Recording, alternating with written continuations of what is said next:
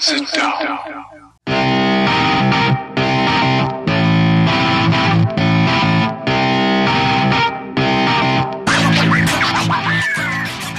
Witam wszystkich i każdego z osobna.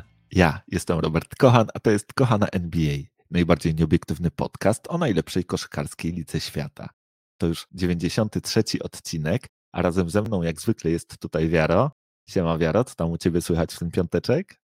Siema Robert, cześć wszystkim. A wiesz co, mamy taki leniwy, bardzo gorący piąteczek, w którym w sumie nic się nie dzieje. Takie masz wrażenie trochę, że jest dziki zachód i brakuje tylko takiego krzaka przelatującego z prawej na lewą po ulicy. Mm, taki trochę mikrokosmos tego, co się dzieje w NBA ostatnio, ale chyba mimo wszystko postaramy się wyciągnąć parę ciekawych tematów, nie?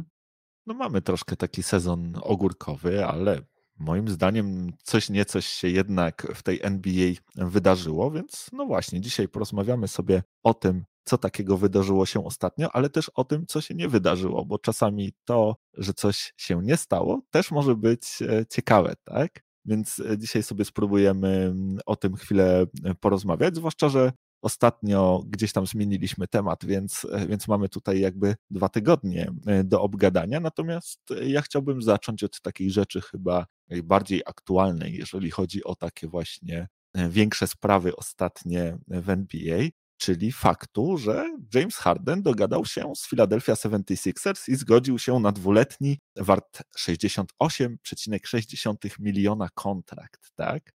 To mm, troszkę niespodziewane w związku z tym, że Harden mógł podpisać ten kontrakt z Philly dużo większy, na dużo dłużej. Zresztą mówiło się, że po tym tradzie e, Philadelphia prawdopodobnie zaproponuje mu ten maksymalny kontrakt. On gdzieś chyba zaczynałby się od 47 milionów za sezon, tak mi się wydaje, jeśli się nie mylę. No i wszyscy zastanawiali się właśnie, jak to będzie z tym Hardenem, że to jednak starzejący się guard, jak on się będzie starzał, czy z godnością, czy będzie potrafił gdzieś tam o siebie zadbać, czy jednak e, nie do końca. No, a ostatecznie zamiast tego Harden właśnie podpisuje taki dwuletni kontrakt z tym, że drugi rok jest um, player option, więc tak naprawdę od niego będzie zależało, czy za rok nie zostanie wolnym agentem. No i w tym pierwszym roku będzie to 33 miliony dolarów, a w drugim 35,6 e, miliona. No i można by się zastanawiać, dlaczego tak się stało, dlaczego e, to nie jest ten maksymalny długoletni kontrakt.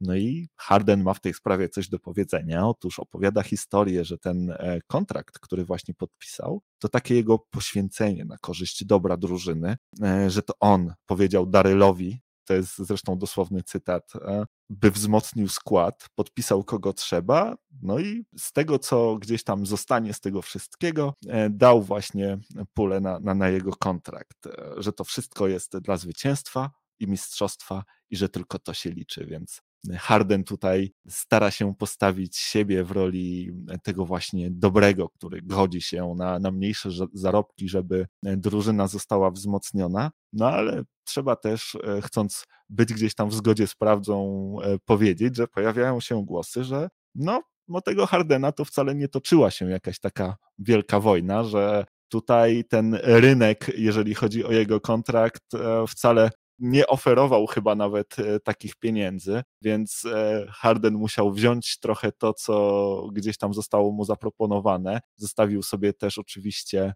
e, wolność, bo, bo to jest gość, który w siebie wierzy i na siebie stawia. Natomiast, no właśnie, chciałbym zapytać, co ty myślisz na ten temat? Czy rzeczywiście jest tak, że James Harden niczym Tom Brady, tak, bierze właśnie taki paycut po to, żeby drużyna była mocna, żeby była silna, żeby była gotowa do rywalizacji o mistrzostwo, no bo przecież on jest winner player. No, jasne. E, no ja nie wierzę w ani jedno słowo z tego wszystkiego, co Harden opowiada o tych powodach, dla, e, dla których podpisał taki kontrakt. Jeżeli faktycznie by tak było, że dla Hardena jedyne co się liczy to jest wygrywanie, to nie by, mówilibyśmy tutaj o kontrakcie na dwa lata wartym 60 parę milionów, tylko mówilibyśmy o jakimś pewnie jednorocznym kontrakcie wartym, nie wiem, 7 albo 8 milionów. Jeżeli faktycznie byłoby tak, że pieniądze nie mają dla niego znaczenia i liczy się tylko i wyłącznie wygrywanie i dla dobra drużyny, po to, żeby mogli zbudować drużynę fantastyczną, tak by było. Zresztą, gdyby tak było, to Harden prawdopodobnie w, w, nigdy by nie, nie, nie opuścił w ogóle OKC. E, chociaż no wiadomo, to był inny człowiek, młodszy zdecydowanie, więc e, zostawmy tamtego Hardena.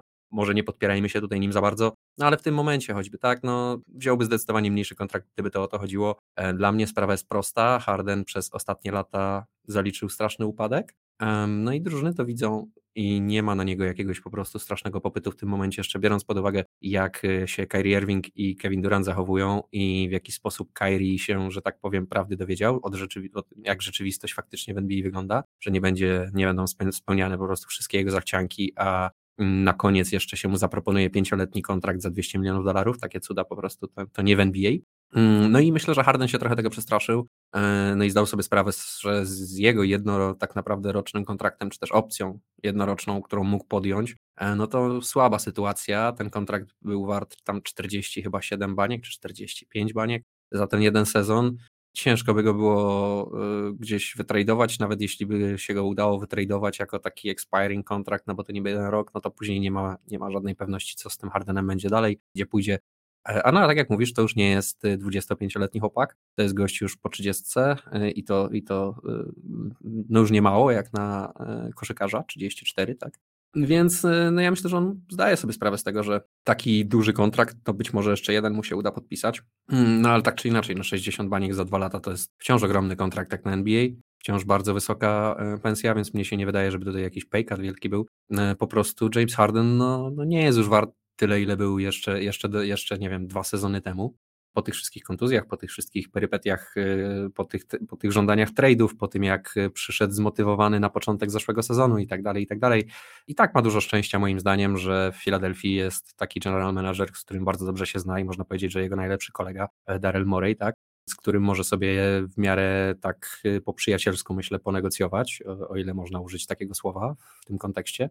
No ale tak czy inaczej, no to już to po prostu no, rzeczywistość y, zweryfikowała Hardena. E, na jego szczęście nie tak mocno jak rzeczywistość zweryfikowała Kyrie Gervinga. No ale takie rzeczy się dzieją, jak się żyje w oderwanym od, od, od tej rzeczywistości, w jakimś właśnie wyimaginowanym świecie, w którym można nie przychodzić do roboty przez cały rok, po czym przyjść i zażądać podwyżki pięcioletniego kontraktu. Więc ja myślę, że to, to właśnie suma tych wszystkich czynników yy, złożyła się na to, że no po prostu no Harden nie miał na stole kontraktu pięcioletniego za 200 baniek, który mógł podpisać. Jestem przekonany w 100%, że jakby mu Filadelfia taki kontrakt zaproponowała, to nie powiedziałby, o nie, przepraszam bardzo, ale jak ja podpiszę ten kontrakt, to w ostatnim roku tego kontraktu ja będę miał 30 tam 9 lat, czy 38 i będziecie mi musieli płacić tam 40 czy 50 milionów dolarów. To jest w ogóle bez sensu dla budowania drużyny, nie będzie jak wzmocnić składu. Nie, żadne takie rzeczy nie miałyby w ogóle, nie przeszłyby mu przez myśl, po prostu zapytałby, gdzie jest długopis, e, albo czy może pożyczyć pióro, albo coś w ten deseń i, i, i gdzie ma podpisać ten kontrakt, tak? E, więc no fajnie, ja rozumiem taki PR-owy ruch sobie James Harden wymyślił, czy też ludzie dookoła niego. E, ja tego kompletnie nie kupuję, jak dla mnie to jest jedna, jedna wielka ściema. No, to jest e, bardzo możliwe. Ja z kolei myślę, że ten kontrakt to jest taka prokrastynacja dla obu stron że obie strony stwierdziły, że no, może warto odłożyć ten problem, to zmartwienie na później, no bo zarówno dla Fili to mogło być zmartwienie, bo jednak wiązać się na tak długo za takie pieniądze z Hardenem to jest jednak duże ryzyko.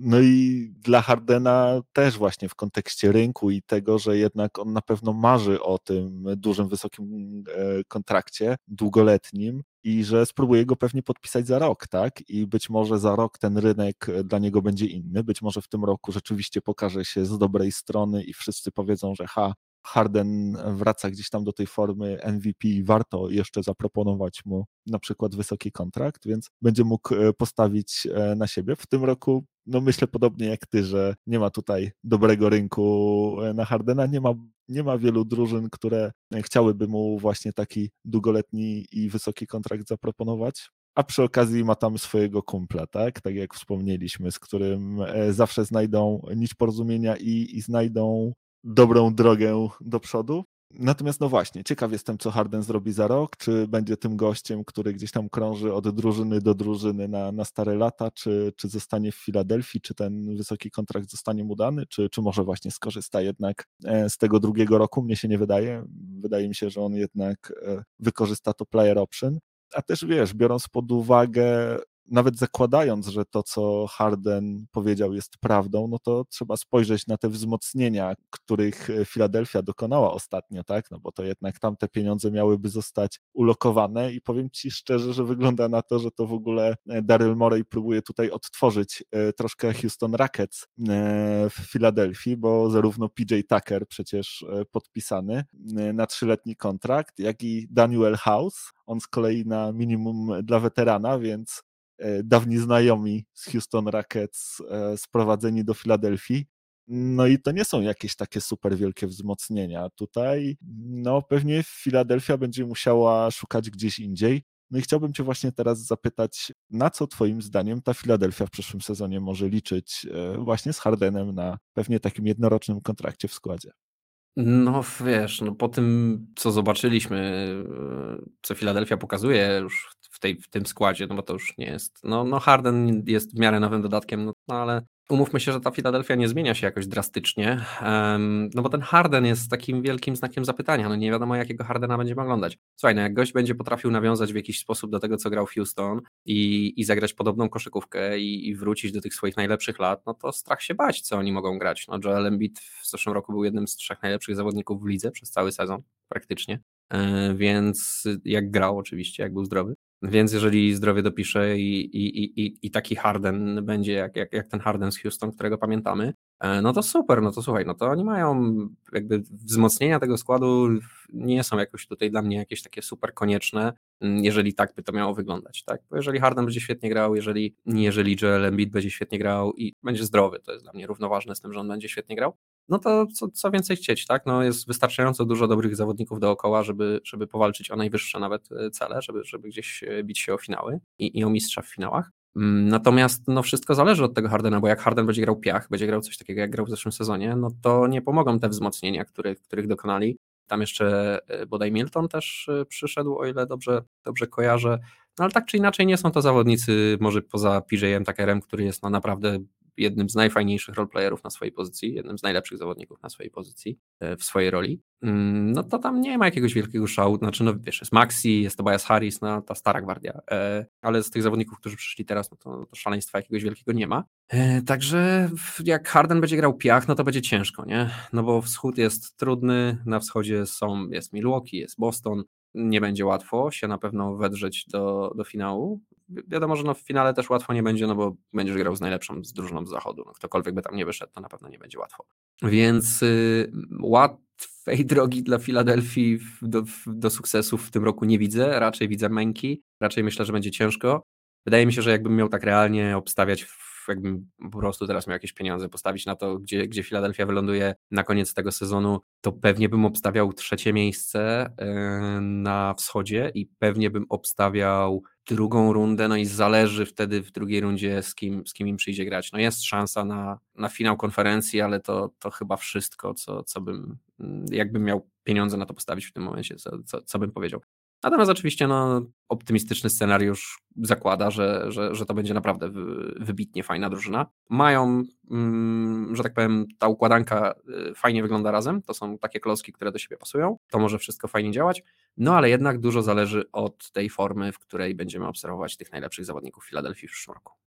No powiem ci, że całkiem rozsądne te twoje typy, tak to przynajmniej brzmiało, natomiast e, no właśnie, moim zdaniem ten nabytek e, PJ Atakera bardzo cenny, to jest gość, który daje im zarówno lepszy defense, jak i całkiem niezły shooting e, za trzy, bo on akurat jeżeli o te trójki z rogu chodzi, to jest specjalistą, więc e, naprawdę moim zdaniem e, podpis, który może dać tej drużynie jakość i sprawić, że wespnie się właśnie wysoko w tej tabeli na wschodzie wiesz, no jeżeli o Hardena chodzi, no to to już nie jest ten Harden, który był kiedyś, tak? James zmienił swoją grę. On jednak jest teraz, tak jak to właśnie Joel Embiid powiedział kiedyś, bardziej rozgrywającym, bardziej playmakerem niż takim e, właśnie all-around scorerem, tak? I myślę, że tego się raczej należy spodziewać, że trzeba się spodziewać e, Hardena właśnie w okolicy 20 punktów, ale pewnie też ponad 10 asyst. Być może tych e, asyst będzie nawet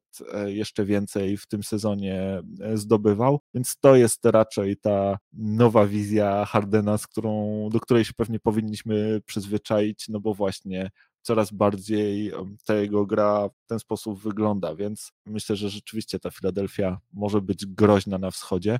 Tutaj jakby moim zdaniem kluczem do tego, czym ta drużyna się stanie, taką ukrytą może opcją X, chociaż no, to jest bardzo jawna i, i też oczywista opcja, będzie tutaj Tyrese Maxi bardzo mi się podoba e, rozwój tego zawodnika. To jest gość, który był bodajże na trzecim miejscu w poprzednim sezonie, jeżeli chodzi o skuteczność rzutów za trzy w całej lidze. Do tego niesamowicie szybki, bo to przecież właśnie z tym jest skojarzony, tak? E, gracz, który w sezonie zasadniczym przy, przy tych fast breakach, właśnie przy dobrej defensywie też PJ Atakera, może naprawdę dużo dać tej drużynie. No a właśnie, potrafi rzucać, potrafi seryjnie też te punkty zdobywać, więc chciałbym obserwować jego dalszy rozwój, bo wydaje mi się, że to jest też taka być może gwiazda e, rosnąca w Filadelfii. A wracając jeszcze gdzieś tam do e, tego Hardena rozgrywającego, to my się tak też śmiejemy z tego Hardena. Tutaj też w poprzednim tygodniu tytuł LVP dostał, natomiast no też trzeba przyznać, że razem z Embidem tworzą duo, które bardzo do siebie pasuje i no właśnie, to oni byli liderami też poprzedniego sezonu, jeżeli chodzi o pick and roll, tak, i ich skuteczność, więc no właśnie, trzeba, trzeba to na pewno też im oddać.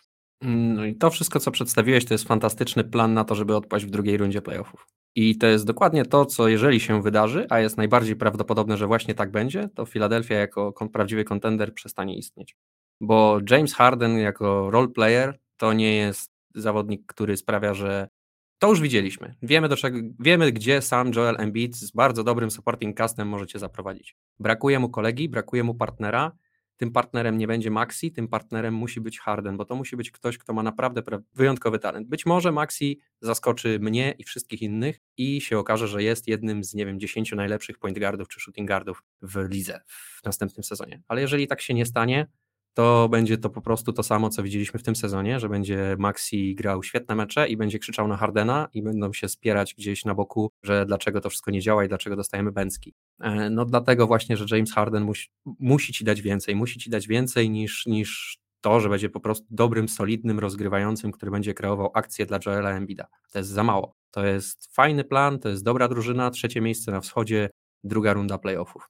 A jak chcesz faktycznie, a masz potencjał w tej drużynie na to, żeby sięgnąć wyżej, no to niestety, ale tam już bardzo dużo zależy od tego, że ktoś musi wystrzelić. Być może to będzie Maxi, bardzo ma marne jakby szanse na to widzę, bo tego jeszcze nigdy nie widzieliśmy. To jest młody chłopak, a osiągnąć taki potencjał jest bardzo ciężko, wskoczyć na tak wysoki poziom. Harden już tam był na tym poziomie przez lata, widzieliśmy, że to umie. Jest byłym MVP, no jest jednym z naprawdę najlepszych zawodników naszej ery, naszych czasów, tych ostatnich 10-15 lat jakby wobec niego takie oczekiwania, mimo że ja też nie jestem, jakby ja jestem sceptycznie przekonany, sceptycznie nastawiony do tego, że Harden e, wróci do tego grania z Houston, raczej tego nie widzę, podobnie jak ty, jestem raczej w tym obozie, który uważa, że ten Harden już może nie wrócić, e, no ale jemu daje zdecydowanie większą szansę na to niż, niż, niż Maxiemu.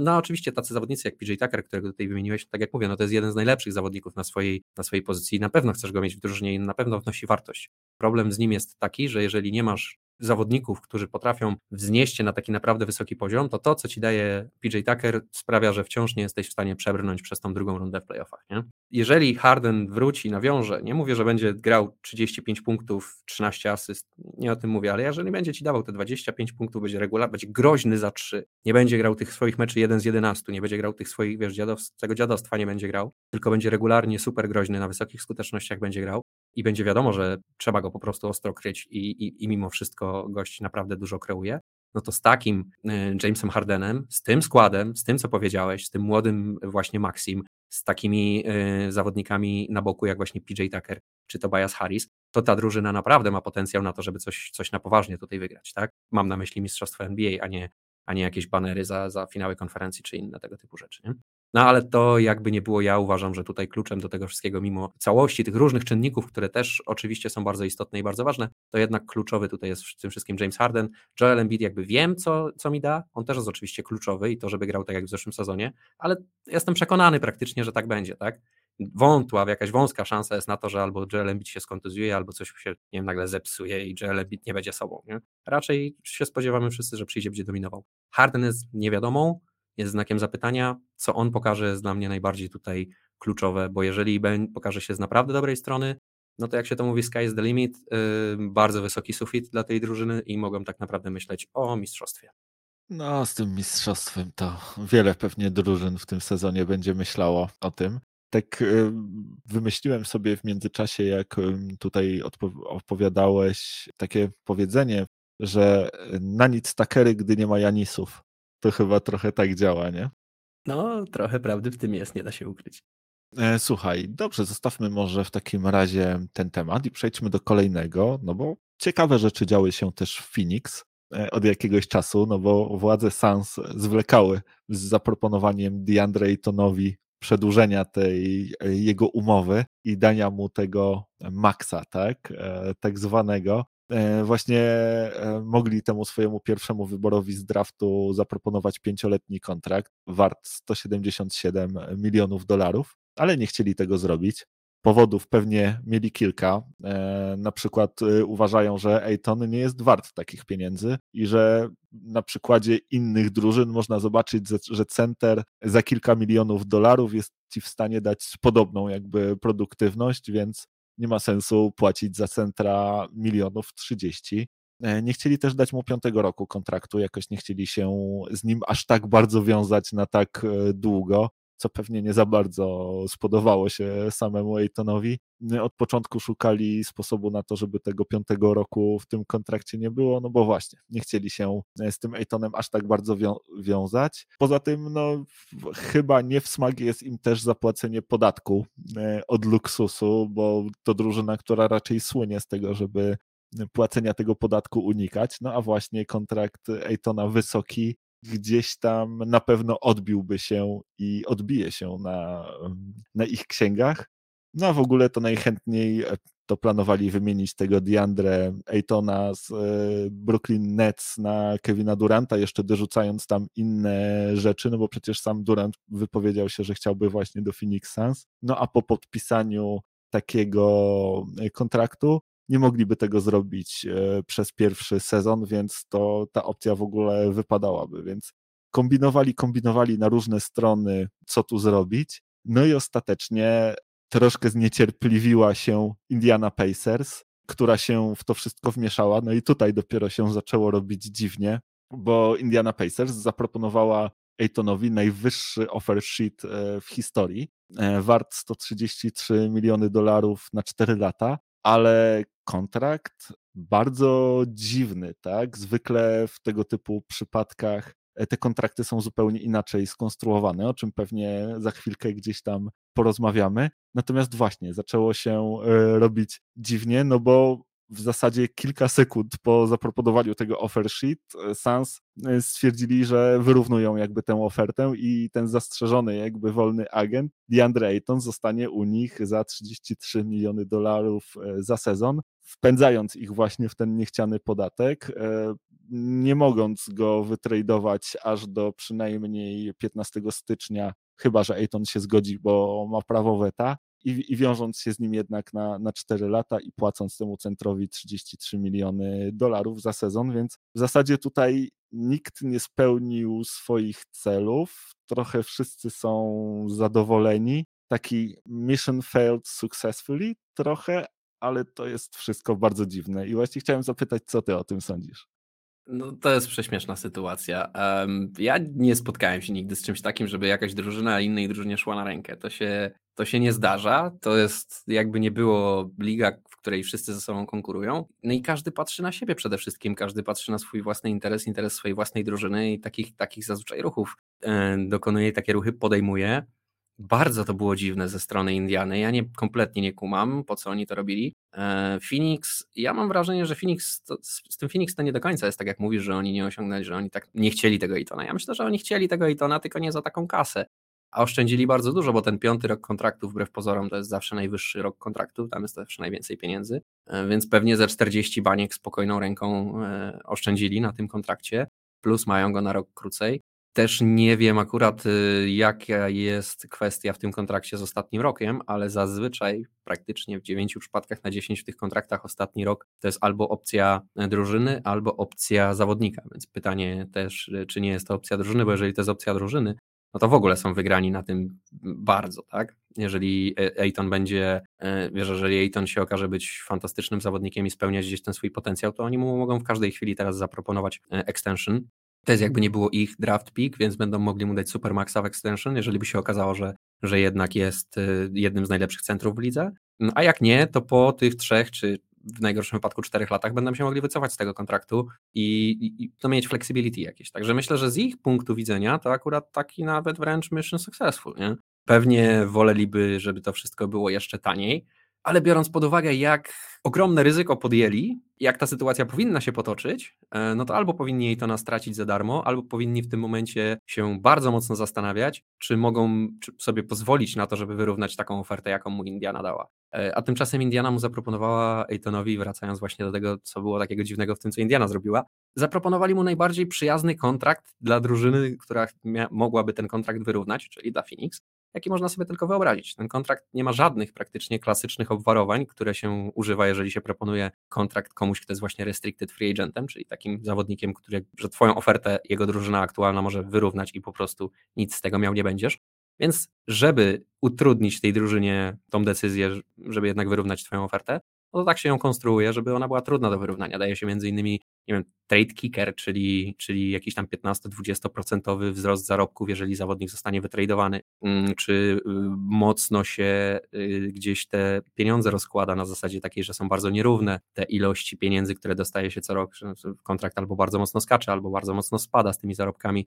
No różne tego typu sztuczki i, i, i, i kruczki prawne się stosuje żeby drugiej drużynie, drużynie przeciwnej tak naprawdę, z którą walczysz o tego zawodnika, utrudnić to podpisanie kontraktu. Tymczasem Indiana zachowała się tak, jakby po prostu chciała jak najłatwiej, żeby było tą, tą decyzję podjąć Phoenix. No i jak widać, dokładnie tak jak chcieli, no to tak zrobili. No, zaoferowali Aitonowi taki kontrakt, że Phoenix jak to zobaczyło, to stwierdziło, że no, no, no, nie trzeba się tu nad niczym zastanawiać, tak? Wyrównujemy to i bierzemy go po prostu za te pieniądze. No mega dziwna sytuacja, mega śmieszna. Ja kompletnie nie rozumiem, co ta Indiana planowała, co oni do końca chcieli zrobić, jak to miało wyglądać i czemu tak. Jeżeli naprawdę chcieli tego Ejtona, no to trzeba było ten kontrakt skonstruować porządnie i wtedy, wtedy Phoenix by tego nie wyrównało, bo, no bo Phoenix nie jest najlepiej zarządzaną drużyną świata, o czym wspomniałeś. No, no a z drugiej strony, jeżeli nie chcieli tego Ejtona na poważnie, no to po co dawać e, Phoenix taką po co im ułatwiać decyzje i no nie wiem, bardzo dziwna sytuacja, ja, ja, ja nie do końca w ogóle mogę uwierzyć, że to się wydarzyło. No ja mam wrażenie, że to się obu drużynom jakoś czkawką musi odbić. No zobaczymy. Ja myślę, że ta historia się tak nie skończy. Myślę, że tutaj bardzo duże szkody nastąpiły na linii relacji Phoenix Suns DeAndre Ayton. Myślę, że Ayton jest bardzo niezadowolony, że być może nawet zgodzi się na zrezygnowanie z tego weta i na to, żeby zostać wytradowany, bo no myślę, że, że tutaj jest naprawdę te relacje zostały e, mocno nadszarpnięte. Natomiast jeżeli chodzi o Indianę, to wiesz co, mnie się wydaje, że oni tego Ejtona chcieli mieć u siebie, tylko oni chcieli go mieć na dobrych warunkach też, tak? No bo rzeczywiście, tak jak wspomniałeś, te offer sheety zwykle konstruowane są w ten sposób, żeby są, są często brudne, tak? W stosunku do tych drużyn, które mają je wyrównać. Tam się jak najbardziej stara im utrudnić życie. W grę wchodzą przecież jeszcze też player option właśnie dawane na ostatni rok, no żeby jak najbardziej właśnie utrudnić e, te decyzje. Natomiast no też trzeba pamiętać, że jeżeli chodzi o takie fair podejście, o takie etyczne podejście do biznesu, akurat Indiana Pacers jest, jest chyba najbardziej e, znaną organizacją w lidze pod tym względem. Oni często właśnie, nawet jak nie muszą, to starają się, żeby te relacje z innymi zespołami były partnerskie, że czasami właśnie tutaj coś pomogą. To jest naprawdę organizacja jakby z dużą klasą i wydaje mi się, że gdyby rzeczywiście było tak, że, że, że tutaj Indiana pomyślała sobie, no okej, okay, fajnie by było mieć tego DeAndre Aytona, jeżeli Phoenix go nie chce za 33 miliony, ale też e, nie będziemy tutaj jakby robić ani sobie nie będziemy robić przeciwnikom pod górkę, żeby sobie w razie czego samemu nie zrobić pod górkę, tylko damy taką ofertę, jaką jakby chcielibyśmy zaproponować, tak? Zagramy tutaj fair. Więc e, to, że akurat Indiana by tak zrobiła, to akurat najmniej by mnie dziwiło, jeżeli chodzi o organizację w lidze. No ale właśnie, ta sytuacja jakby ciągle, ciągle jest dla mnie mocno zagadkowa i jestem ciekaw, jaki ta historia będzie miała dalszy ciąg i jak właśnie będzie wyglądała sytuacja DeAndre Aytona, bo no właśnie, jakoś nie sądzę, żeby wypełnił ten kontrakt z Phoenix. Wiesz co, no powiem ci tak, ja rozumiem, że Indiana chce się zachować z klasą, ale y, są pewne zasady gry i to jest trochę tak, jakbyś wpuścił zawodnika na boisko do piłki nożnej i ten zawodnik by powiedział, że on nie będzie w ślizgiem wchodził, bo to, bo to jest nie fair, można komuś krzywdę zrobić. No, takie są zasady. No, Indiana strzeliła sama sobie w stopę, jak naprawdę tego Ejtona chcieli, to e, ważniejsze, myślę, od tego, żeby e, zachować się fair wobec Phoenix, e, było to, żeby zachować się fair wobec mnóstwa kibiców, którzy przychodzą na twoje mecze i postarać się tego Ejtona naprawdę do siebie ściągnąć, żeby, żeby faktycznie zbudować drużynę, która, która ma szansę wygrywać. Nie wydaje mi się, wydaje mi się, że to że jasne, jakby nie chcę tutaj absolutnie odmawiać Indianie klasy, bo to masz 100% racji, że to jest bardzo klasowy zespół, Natomiast wydaje mi się, że on po prostu się sfrajerzyli tutaj i nie wiem, być może zlekceważyli to Phoenix, być może za bardzo uwierzyli w to, że Phoenix naprawdę tego, tego Ejtona po prostu nie chce i że te relacje są już tam tak fatalne między Ejtonem a, a Phoenix, że, że Phoenix się po prostu nie zdecyduje tego wyrównać, nawet jeżeli by to był dobry kontrakt dla nich, no bo tak jak mówisz, bardzo ciężko sobie wyobrazić, jak ten DeAndre Ayton w ogóle ma tam grać teraz w tym Phoenix, jak to ma wyglądać. Tam jest taka trochę sytuacja, y, jeżeli chodzi o chemię między nim a drużyną, jak była między Benem Simonsem a Filadelfią, nie? Więc no nie wiem, trudne to wszystko jest, y, no tak czy inaczej prześmieszne i ja mówię, to się będzie musiało czkawką odbić, bo to, to takie ruchy, to, to nie jest normalne, to nie jest, tak się nie prowadzi biznesu w NBA, no. Wiesz, być może tak jest, być może to jest tego typu sytuacja, że tu każdy się sfrajerzył i ostatecznie nikt nie jest e, tutaj zadowolony z tego, jak ta sytuacja przebiegła. E, taki lose-lose situation, tak? Więc może tak być, no zobaczymy też, co będzie dalej z Sans, bo przecież oni ciągle czekają gdzieś tam na decyzję w sprawie tego śledztwa, tak? W stosunku do właściciela. Kiedyś pamiętasz, rozmawialiśmy o tych zarzutach, które były ustawiane. To mm -hmm. śledztwo ciągle jest w toku, gdzieś tam e, słyszałem ostatnie jakieś plotki, że, że, że coś e, może będzie na rzeczy za jakiś czas. Więc e, ciekawy jestem, jak to, jak to będzie wyglądało. Może się okazać, że tutaj DeAndre Aytonowi zmieni się e, pracodawca i, i też sytuacja e, może ulec zmianie. Zobaczymy. Na pewno jest jeszcze ta strona, o której wspomniałem, tak? Czyli sprawa Kevina Duranta i jego transferu i tego, że no właśnie być może dla Suns w tym momencie ta opcja została zablokowana, no bo jeżeli Ayton się nie zgodzi, to do 16 stycznia nic się tutaj jakby w tej sprawie nie wydarzy, tak? Bo nie wyobrażam sobie za bardzo umowy między tymi zespołami, w której nie byłby umieszczony DeAndre Ayton, nawet idący do jakiegoś trzeciego zespołu, więc no właśnie ciekaw jestem, e, co tu będzie i tak pamiętasz, jak huknęła ta wieść o tym, że Kevin Durant e, zażądał trade'a, tak od tego czasu nic za bardzo się nie wydarzyło i może się okazać, że ten Kevin Durant razem z tym Kyrim Irvingiem rozpoczną sezon w barwach Nets i e, Sean Marks, który, który twierdził, że nie wyobraża sobie powtórki z zeszłego sezonu, może ją sobie sam zafundować, więc Tutaj w sprawie Kevina Duranta, no właśnie, czasami jest tak, że ciekawie jest nawet, kiedy się nic nie dzieje. No i tutaj troszkę w tym przypadku właśnie z czymś takim mamy do czynienia. Tak, no ale z drugiej strony, jak te wieści o Durancie gruchnęły, no to yy, obaj chyba, ja na pewno, ale zwracaliśmy uwagę na to, że przecież Durant ma jeszcze czteroletni kontrakt. Jakby Brooklyn nie ma żadnego, to że, on, że Durant powiedział, że chce trade'a, to jest jakby jedyny argument, jaki on ma w ręce cała reszta argumentów jest po stronie Brooklyn. No ma podpisany czteroletni kontrakt z tą drużyną. No, nigdzie nie jest napisane w zasadach NBA, że jeżeli zawodnik zażyczy sobie trade'a, to drużyna jest zobowiązana, żeby tego trade'a mu dać i jeszcze mu wysłać go do drużyny, do której on chce iść. Więc y, no Brooklyn ewidentnie wiedzą, że Kevin Durant to jest jeden z najbardziej wartościowych zawodników w lidze i oddawanie go za bezcen jest totalnie bez sensu, biorąc pod uwagę, że ma czteroletni kontrakt podpisany i nigdzie tak naprawdę nie muszą go tradeować. Wydaje mi się, że jakby tego się trzeba było spodziewać. No, no bo wiesz, no takie dzisiaj mamy czasy, że jest straszny hype, jeżeli tak, takie newsy wybuchną, takie newsy gruchną, ale no też trzeba było się spodziewać, że to nie wydarzy się szybko i ten trade prawdopodobnie wydarzy się właśnie dopiero po 16 stycznia, bo to nie dotyczy tylko i wyłącznie DeAndre Aytona, to obostrzenie, to dotyczy wszystkich zawodników, którzy podpisali te kontrakty, między innymi e, Bena Simonsa też, nie? więc myślę, że Brooklyn poczeka już do momentu, kiedy też oni będą mogli Bena Simonsa wytradować mm, śmiało i dopiero wtedy zacznie, zaczną na, na, na poważnie myśleć o tym, żeby Duranta wytradować. Więc e, no mnie to nie dziwi, że się nic w tym temacie nie dzieje. Mm, nie będzie to raczej taka karuzela, że bez przerwy będą się tutaj zespoły przerzucać ofertami. Mm, no bo tak jak rozmawialiśmy, nie ma za bardzo czym się przerzucać, nie ma za bardzo co za tego Duranta wytradować, wiadomo ile on jest wart. E, no a w tym momencie, biorąc pod uwagę jeszcze oczywiście to, co się wydarzyło w Minnesocie, e, i jak dzisiaj wygląda rynek, no to ciężko, ciężko, ciężko się spodziewać, że ktoś y, się tak strasznie tutaj y, obsprzeda. Raczej będziemy takie nudy obserwować jeszcze długi czas i myślę, że dopiero w styczniu albo w lutym się dowiemy, gdzie finalnie Kevin Durant będzie grał przez następne parę lat. No właśnie o tym rynku chciałem teraz z Tobą trochę porozmawiać, bo, bo to jest ciekawa sprawa, tak? Bo być może gdyby ten Kevin Durant został wytradowany zanim Rudy Gobert trafił do Minnesoty, to ta cena nie byłaby aż tak wygórowana. Rzeczywiście e, wiemy, że Sean Marks tutaj jakby stwierdził, że on chce wszystkie dobra świata za, za Kevina Duranta, właśnie dlatego, że ten kontrakt jest e, czteroletni.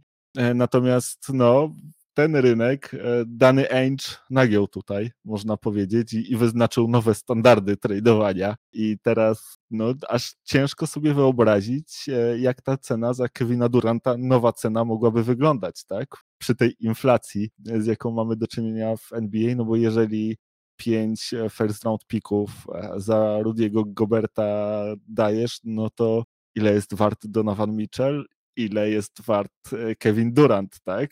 Czy tutaj mamy mówić, nie wiem, o, o ośmiu first round pickach i all-starze do tego, czy może więcej? No, aż ciężko sobie wyobrazić, ale być może to są właśnie realia nowego NBA. No słuchaj, tutaj bardzo wiele tak naprawdę rzeczy poruszyłeś tym, tym bardzo krótkim tematem. No po pierwsze, ja muszę tutaj bronić dobrego imienia danego Inja. To nie dany Ainge zepsuł rynek, to Minnesota zepsuła rynek, to Minnesota była osobą płacącą. Dany Ainge rzucił po prostu kwotę wygórowaną z kosmosu, na którą Minnesota się zgodziła, więc do danego Angela nie można mieć pretensji. Jak ktoś coś sprzedaje, to tak powinien się zachowywać, rzucić wygórowaną kwotę i dopiero wtedy, kiedy ktoś się nie zgodzi, stwierdzić, no dobra, przejdźmy do bardziej rozsądnej, realnej oferty. Zacznijmy negocjacje. Tutaj negocjacje były bardzo krótkie. Przysz, przy, przy, zadzwoniła Minnesota do danego Angela, dany Ainge rzucił zaporową cenę, Minnesota się na to zgodziła. No to dany Ainge co miał powiedzieć? Nie, nie, nie, za dużo to zepsuje rynek? No nie, no wiadomo, że się zgodził. To jest oczywiste, że się musiał zgodzić. Więc tutaj proszę absolutnie o to wszystko danego Angela nie obwiniać. Jeżeli mamy wskazywać palcem winowajcę tego, jak wygląda dzisiaj rynek y, y, wolnych agentów, czy też trade'ów w NBA, no to trzeba śmiało pokazać na Wilki i na drużynę Minnesota Timberwolves, bo to ich tak naprawdę front office tą decyzją, ile, ile zapłacić za Rudy'ego Goberta, postawił tą poprzeczkę tak wysoko. Natomiast z drugiej strony też trzeba pamiętać o tym, że to jednak jest y, wolny rynek, rzeczy są warte tyle, ile ktoś jest w stanie za nie zapłacić, no i ty się jeszcze na tą cenę musisz zgodzić oczywiście, jak to chcesz sprzedać. Tak jak wspomnieliśmy, Durant, y, Boże, Brooklynowi się nigdzie z Durantem nie spieszy, oni go mają podpisanego na 4 lata, nikt w tym momencie, nawet jakby chciał, to takiej, takiej paczki nie ma po prostu, żeby za Kevina Duranta zaoferować. Zobaczymy, co się będzie działo w styczniu. W styczniu mam wrażenie, że posypią się srogie oferty tak czy inaczej. Nie będą to pewnie, wiesz, no nie, nie można dać więcej niż, niż dała Minnesota za Rudy'ego Goberta, bo nie wiem, czy to w ogóle jest zgodne z zasadami, żeby dać więcej jeszcze, nie? Ale no to będzie podobnego, podobna paczka za, za, za, tego Kevina Duranta. No, podobna paczka, bo tam akurat w Minnesocie ci zawodnicy nie byli z najlepszej, z najwyższej półki, którzy poszli w drugą stronę, no ale tutaj pewnie pójdzie jakiś, jakiś All-Star, na pewno pójdzie mnóstwo pików i myślę, że tych zawodników takich młodych, perspektywicznych też kilku zobaczymy, więc to będzie taki, no to, to będzie coś koło tego, nie? Z sześciu, siedmiu zawodników i piki w tym wszystkim. E, taka paczka. Także no, tego się spodziewam. Nie wydaje mi się, żeby to ta Minnesota jakoś tutaj strasznie też e, zawiniła. No jednak wiesz, tam jest tylko 30 drużyn, no jeżeli jedna z nich się tak zachowuje, no to pozostaje 29. Wcale nie ma obligacji, żeby to, żeby tego nie rozumieć. No wszyscy wiedzą, że, że Minnesota przepłaciła te pozostałe 29 drużyn. Wie, że Minnesota przepłaciła. Myślę, że Minnesota to wie, że przepłaciła za tego Rudy'ego Goberta. E, więc rynek się sam zweryfikuje. Natomiast no Kevin Durant na pewno tak czy inaczej pójdzie bardzo drogo.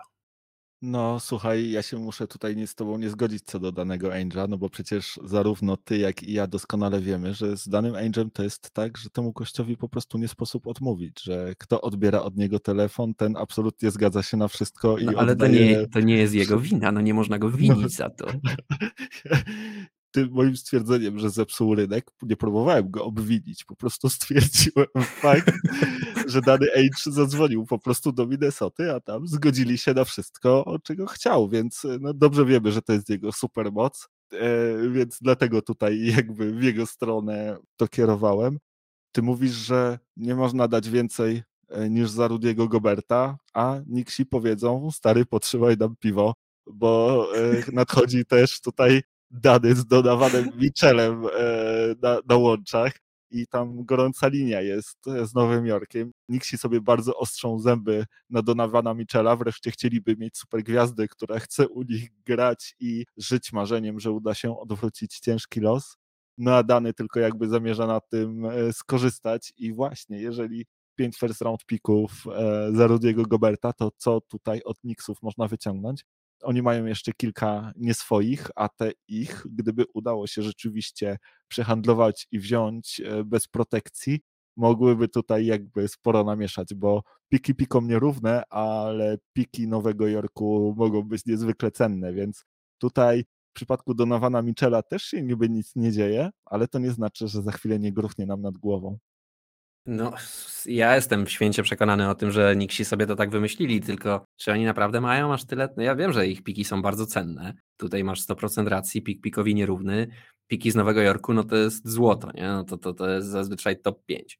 No ale, yy, no ile oni też tych pików mają do oddania, nie? A w drużynie, no tam niewiele znajdziesz, no co weźmiesz w drugą stronę? Juliusa Randla? No jedynie co ci pozostaje, no to jest RJ Barrett, nie? No, może za Donowana Michela to jest dość. Kto wie.